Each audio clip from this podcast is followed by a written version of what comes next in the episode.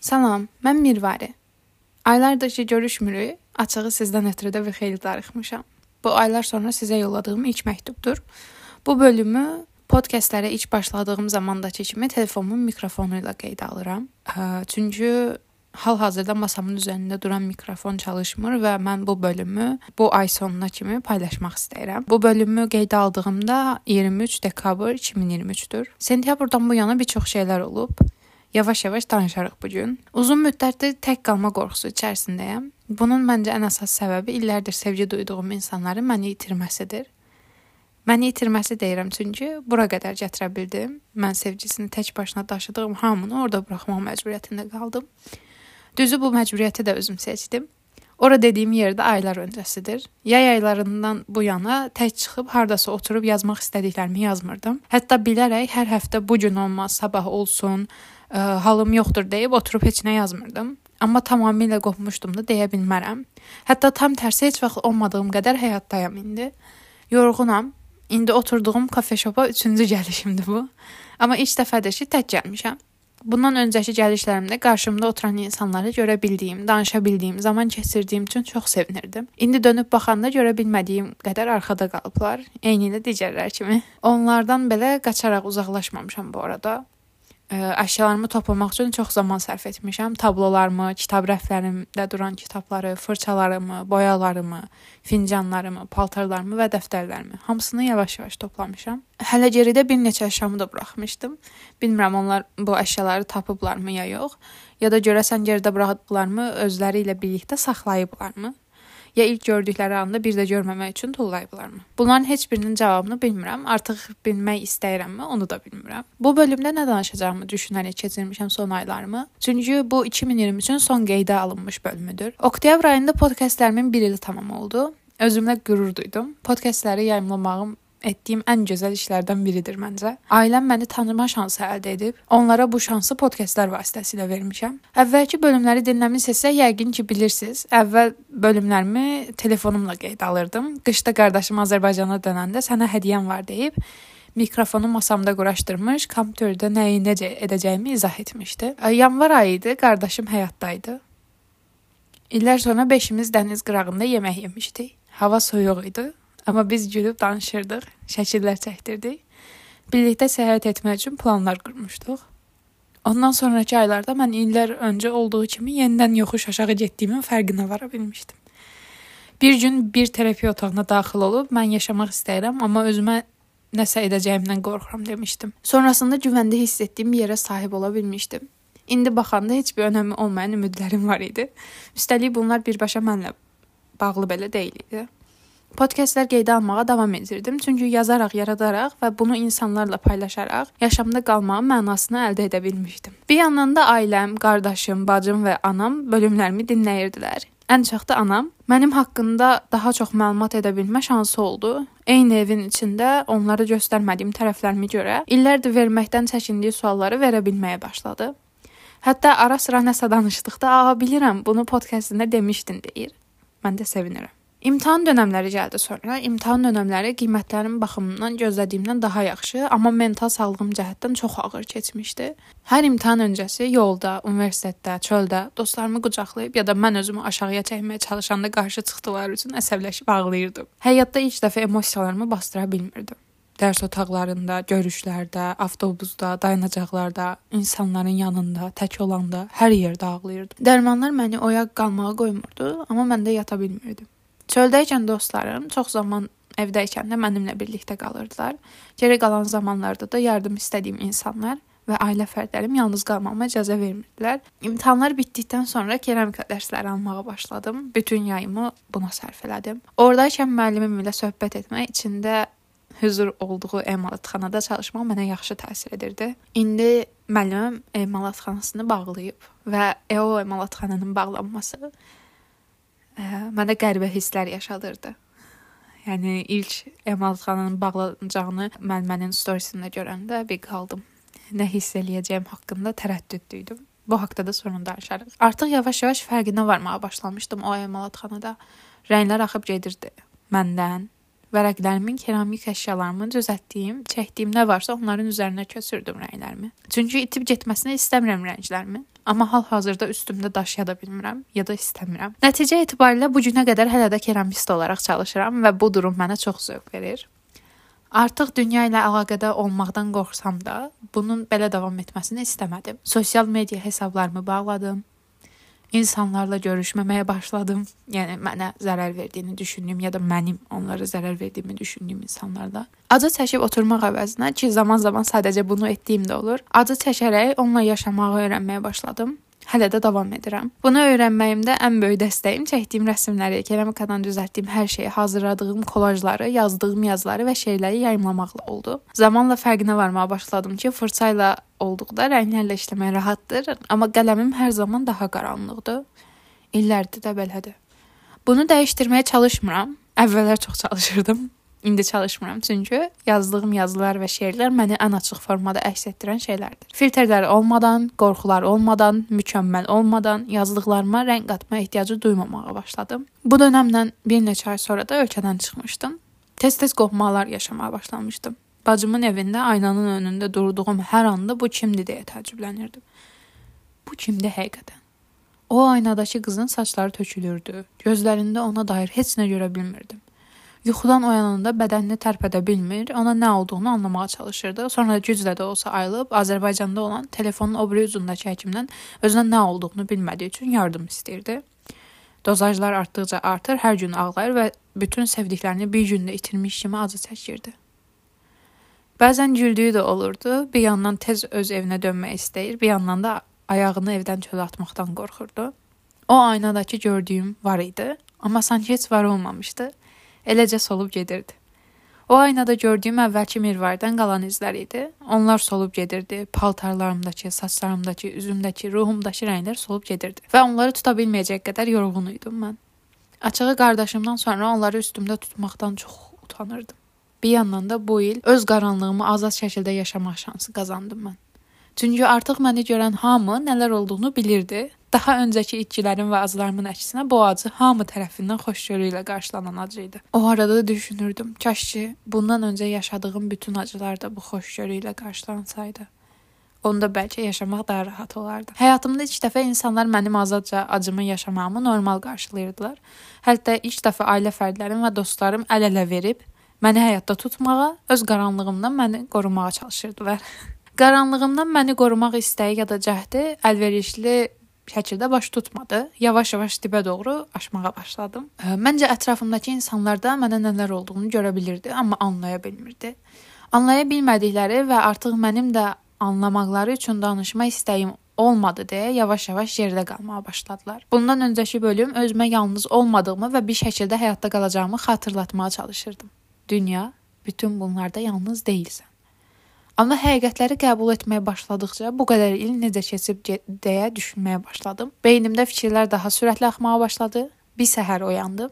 Əl-üzümü yumaq üçün hamama keçdim. Güzgüyə baxanda beynimdə şimşək kimi çaxan fikri indiyə qədər xatırlaya bilirəm. Mən özümü öldürsəm, onlar üzüləcəkdi, amma təəccüblənməyəcəkdi. Bu cümlə beynimdə təkrar-təkrar səda verdi. Özümü nəyin içinə həbs elədiyimi elə bu anlarda görməyə başladım.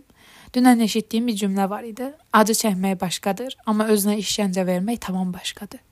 Mən acı ilə özümə işgəncə yaşadıram.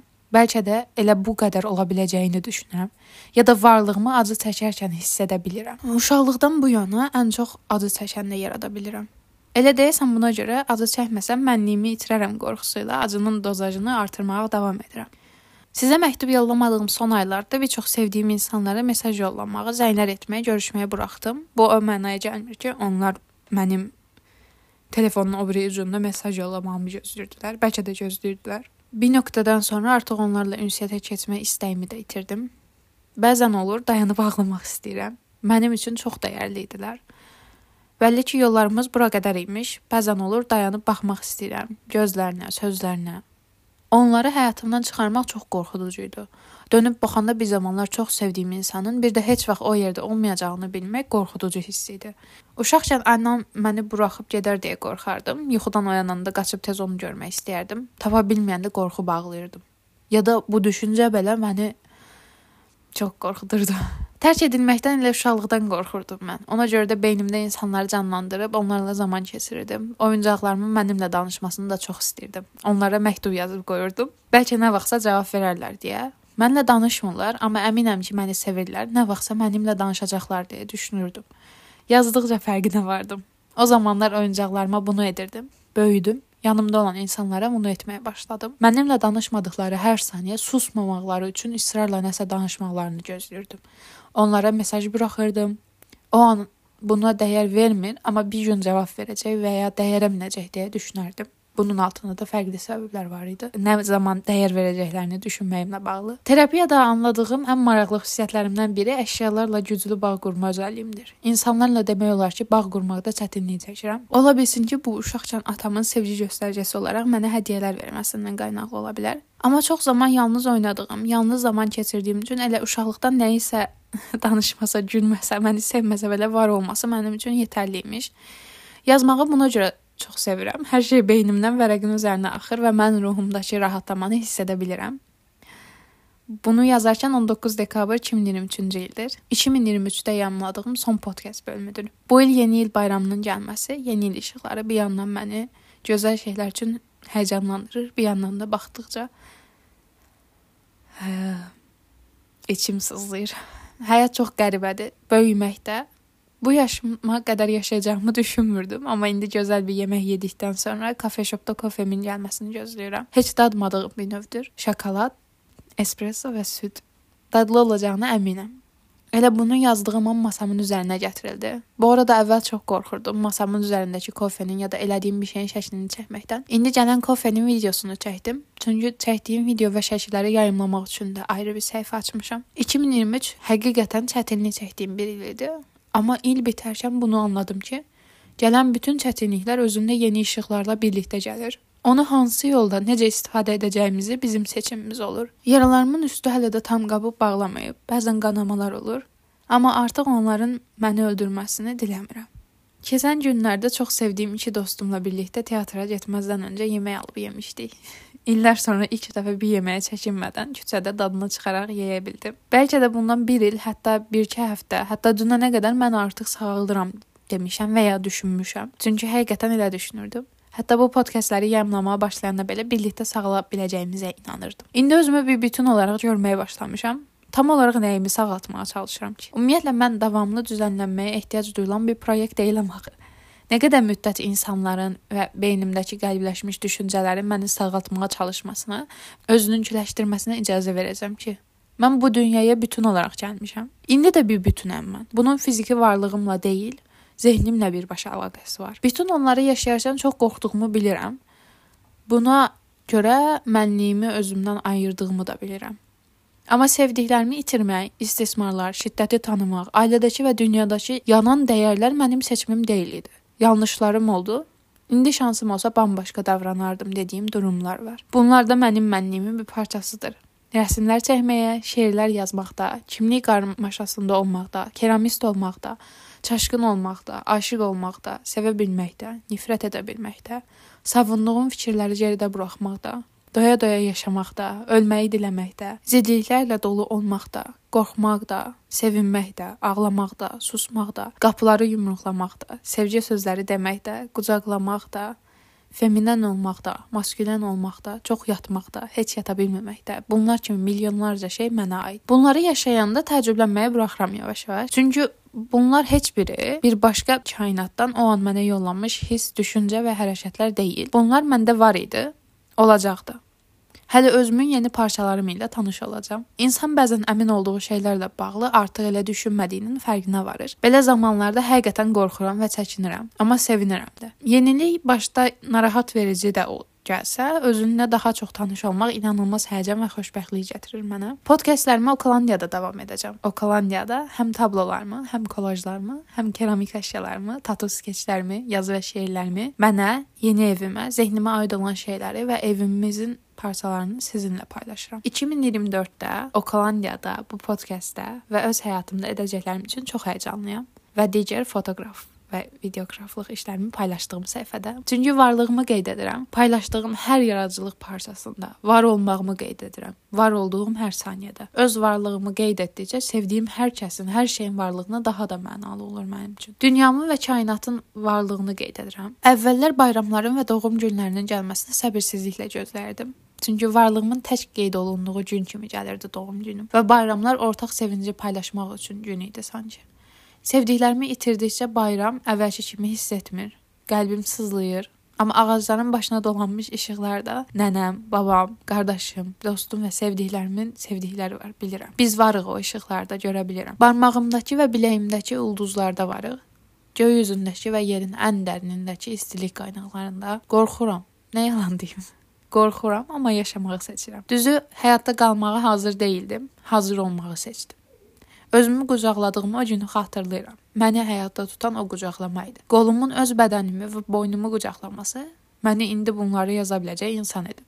Məncə mən elə bu insan idim. Sadəcə indi özüm olma cəsarətini göstərirəm. Bir neçə ay öncə tanıdığım və çox sevdiyim bir dostum var. Tanışdığımız ilk gün mən ağlayanda gəlib qucaqlamışdı məni.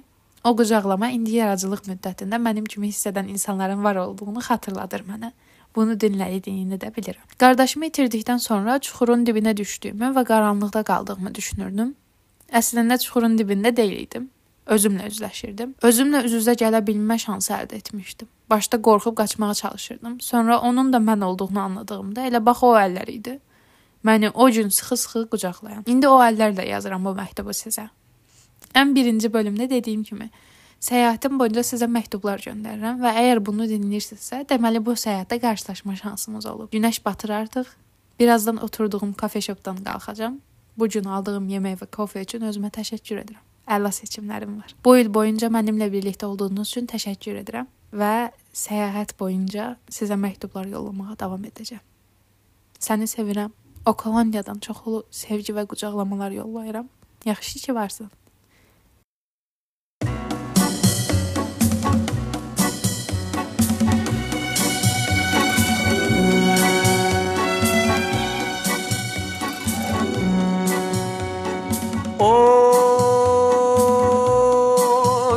O gözler kimi?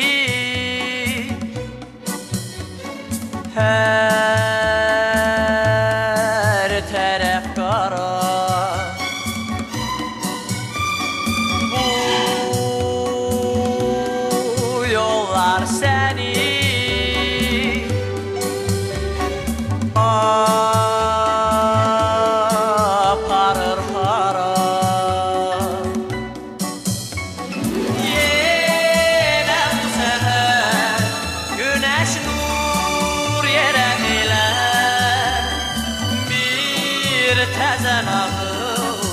başlar dünya oyanı günəş oya dağlar var boya yoxsa bu dəniz uçar. Bir zülmət gecə dəniz qaçar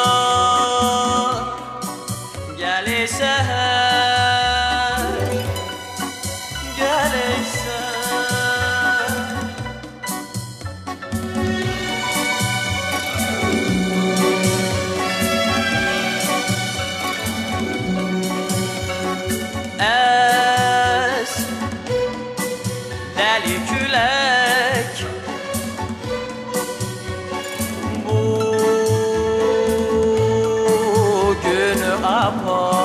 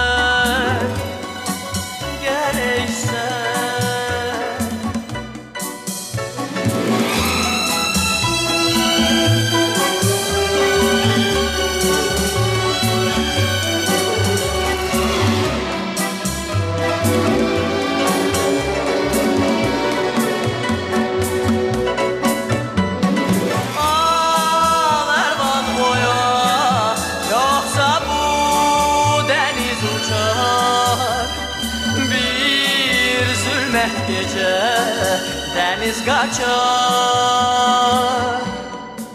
Gel ey sen.